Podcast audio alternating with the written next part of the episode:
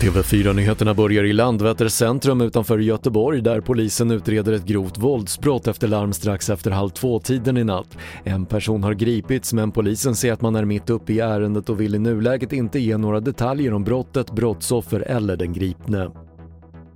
Efter senaste tidens debatt om ovaccinerad personal inom vård och omsorg menar nu Region Stockholm att man har laglig rätt att omplacera ovaccinerade anställda för att skydda patienterna. Har vi eh, ovaccinerade anställda som jobbar nära sjuka patienter, då är det ju vår skyldighet att upprätthålla patientsäkerheten och då blir det ju fråga om förflyttning av den anställde till andra uppgifter. Det sa finansregionrådet Irene Svenonius.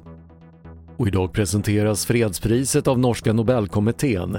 Det spekuleras minst lika vilt som vanligt och enligt bettingsajten är det många som tror på svenska klimataktivisten Greta Thunberg.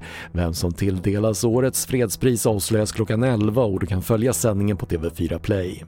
Fler nyheter hittar du i vår app TV4 Nyheterna. Jag heter Patrik Lindström.